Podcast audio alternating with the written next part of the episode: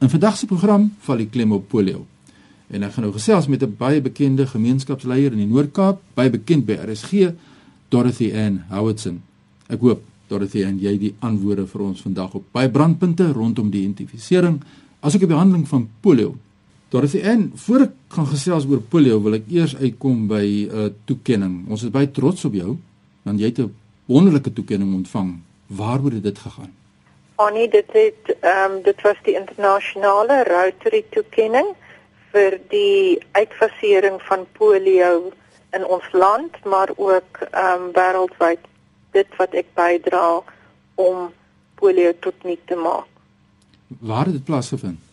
Dit het in Sao Paulo was die ehm um, internasionale konvensie ehm um, van Rotary.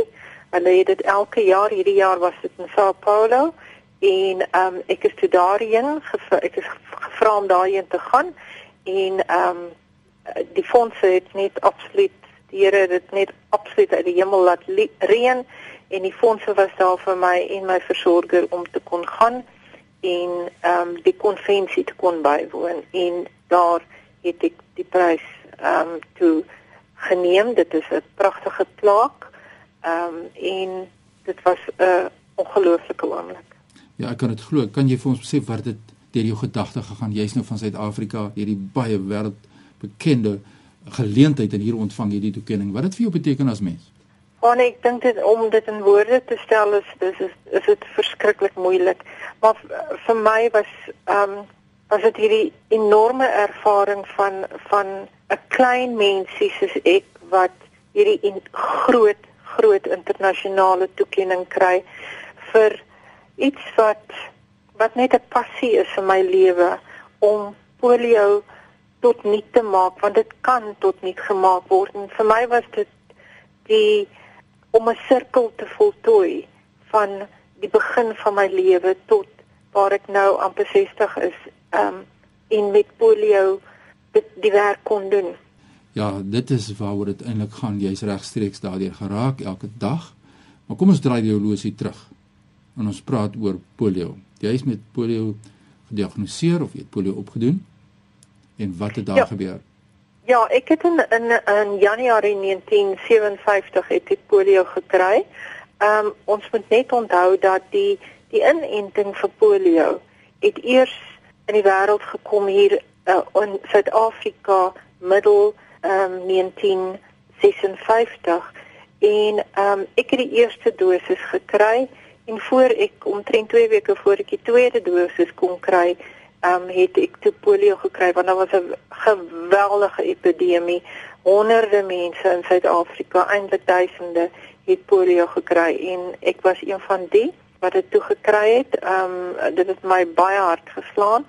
Maar ehm um, volgens die medisy as ek nie die inenting gehad het nie, ehm um, sou ek intien in gesterf het. En dit moet ook 'n groot impak gehad het op julle familie. Dit was, was jy weet ek van ek dink as mense so kyk na ehm um, na polio en jy lees baie daaroor, die impak op op die individu is groot, maar die impak ook op op jou familie, jou ma en pa en ehm um, jou broers of susters is geweldig groot want ehm um, al die fokus moet draai om daai persoon om die beste te kan maak om die rehabilitasie so goed as moontlik te kan doen. En ja, die impak is ontsettend groot. Daai dae het die mediese fondse kinders wat polio gekry het van hulle ouers se mediese fondse afgehaal. So al daai intervensies om met rehabilitasie en fisio's en al daai goed moes uit die ouers se sak uitkom of as daar nie sulke dinge was nie en hulle kon dit nie by die hospitaal doen nie, het die ouers maar probeer leer om daai die fisioterapie en arbeidsterapie te kon hê. Ja, as jy terugkyk dan besef jy wat jou ouers ingesit het in die proses en nie net op 'n emosionele vlak nie, maar as 'n mens kyk nou fisiek, as ons nou na jou kyk vandag, jy het verwys dat jy gestremd is, wat is die fisiese impak van polio nou op jou? Ehm um, nou as persoon, ehm um, van ek het op 'n stadium ehm um, ek het baie goed rehabiliteer en ek kon ek kon loop met ehm um, eister aan my been en en met 'n uh, uh, gespes om my rug, maar na operasies het dit ook al weggeval. Dit was net die eister aan my been. Maar hier in die middel 90er jare het dinge begin agteruit gaan en ehm um, ek is nou die impak is nou so dat ek glad nie meer eers kan staan nie. Ek gebruik ehm um, heeltyd 'n rolstoel en ehm um, ja die, die kragte gaan agteruit en en dinge soos jou normale dinge soos ehm um, 'n koppie optel wat altyd nog heeltemal doenbaar was, begin nou moeiliker raak. So ehm uh, mens kan nie mens kan dit nie in dieselfde groepering sit as normale oud word. Ons raak almal 'n bietjie swakker. Dit is nie eers um, op dieselfde golflengte nie. Dit werk baie vinniger en baie dit slaan op daai dele van jou liggaam wat deur die virus geaffekteer is ehm um, in die in die neuronstelsel. Ehm um, dit slaan daartoe of jy nou ehm um, visuele gestremdheid gehad het of nie. Dit dit kom daarop neer en dan dit is waar die verlamming dan verder intree. Hulle noem dit postpolio sindroom. Ja, ons gaan kyk as altyd eens praat oor postpolio sindroom, maar om net weer terug te kom na die Rotarius toe uh, internasionaal Hulle het werk uh, hard aan die saak saam met die gemeenskappe, is dit so? Baie beslis in 1985 het ehm um, Rotary uh, Internasionaal Rotary het, het besluit om ehm um, daadwerklike poging aan te wend om ehm um, polio tot nul te maak. Hulle het saam met ehm um, regerings inisiatiewe begin lei saam met organisasies en saam met ehm um, vrywilligers van Rotary het hulle begin saamwerk oor die hele wêreld en ehm um, inentingsstowwe gaan toedien aan kinders en daai tyd ook aan volwassenes wat dit nog nie gehad het om alles in die poging te werk om polio tot nie te maak want dit kan tot nie gemaak word dit is net 'n dit is net 'n virus en die wonderlike ding van dit is dat tipe 2 en tipe 3 poliovirus is al klaar tot nie. Dit is baie so, Dit is nog net tipe 1 wat oor is. Nou wie is reeds luisteraars wat, wat vra is ons is dit nodig dat ons in Suid-Afrika bekommerd moet wees oor polio? Ja, want daar is nog net twee plekke in die wêreld waar daar nog hierdie jaar ehm um, men kinders is wat ehm um, polio gekry het en dit is Pakistan en Afghanistan die wonderlike ding is in Suid-Afrika of in Afrika, Nigerië is nou skoon. Dit was die laaste land in Afrika die afgelope 11 maande.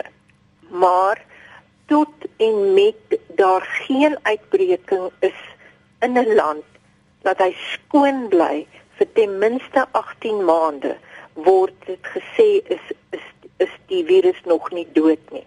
Nou in daai twee lande waar die virus nog aktief is, al wat dit wat dit nodig het is dat iemand wat 'n draer is, vlieg na 'n ander plek toe en kom in aanraking met iemand wat nog nie ingeënt is nie en die virus soek daardie um, stelsel in die persoon en hy val daai persoon aan. So ja, inenting is 'n moet. Ek dink dis elke kind se reg om dit te kry want jy hoef nie polio te kry nie. Jy daar is geen ons kan dit stop en die impak van polio is so groot. Ja. Nie net emosioneel nie, maar maar ekonomies is dit ons kan dit nie eers in rande begin vertel nie. So die sosio-ekonomiese ekonomiese impak is so groot. Asseblief, ons moet dit inent en ehm um, die groot hoop met die wêreld ehm um, gesondheidsorganisasie is dat by in die jaar 2016, dis nou volgende jaar, sal polio tot nik wees. So dis iets wonderlik wat Rotary internasionaal ehm um, reg gekry het. Kortliks kan jy net vir ons sê ons het verwys na postpolio sindroom soos wat hulle dit noem. Sê net vir ons wat is dit vinnig en uh, die impak op jou? Ons het so 'n minuut of 2.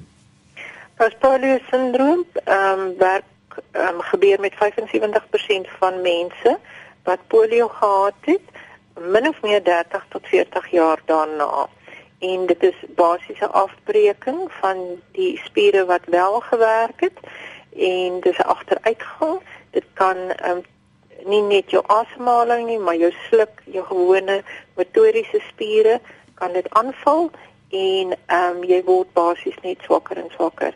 Ehm um, hy kan stabiliseer, maar die om dit te voorkom is basies ehm um, passiewe oefening en baie rustyd in jou daaglikse 24 uur. Ja, en uh dit is die stem van Dorothy Ann Howardson, 'n bekende gemeenskapsleier in die Noord-Kaap en in Suid-Afrika, soos ons gehoor het. Ons is baie trots op jou Dorothy Ann en almal wat jou ken weet jy's 'n woelwater en jy doen soveel om die omstandighede van die gemeenskappe in die Noord-Kaap spesifiek ook dan aan te spreek en baie dankie in my boek is jy 'n ware rolmodel. Baie sterkte en nogmaals baie geluk van ons kant. Baie dankie Fanie en ek waardeer dit dat ek met jou kon praat. As mense jou wil skakel oor postpolio sindroom of polio in die algemeen, waar kan hulle jou in hande?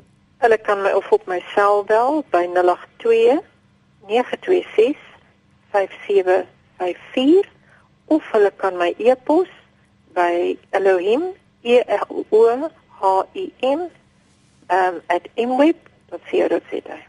So sê Dorothea Howardson van Kimberley. My e-posadres is vanie roadtoindependence.co.za. Groete uit Kaapstad.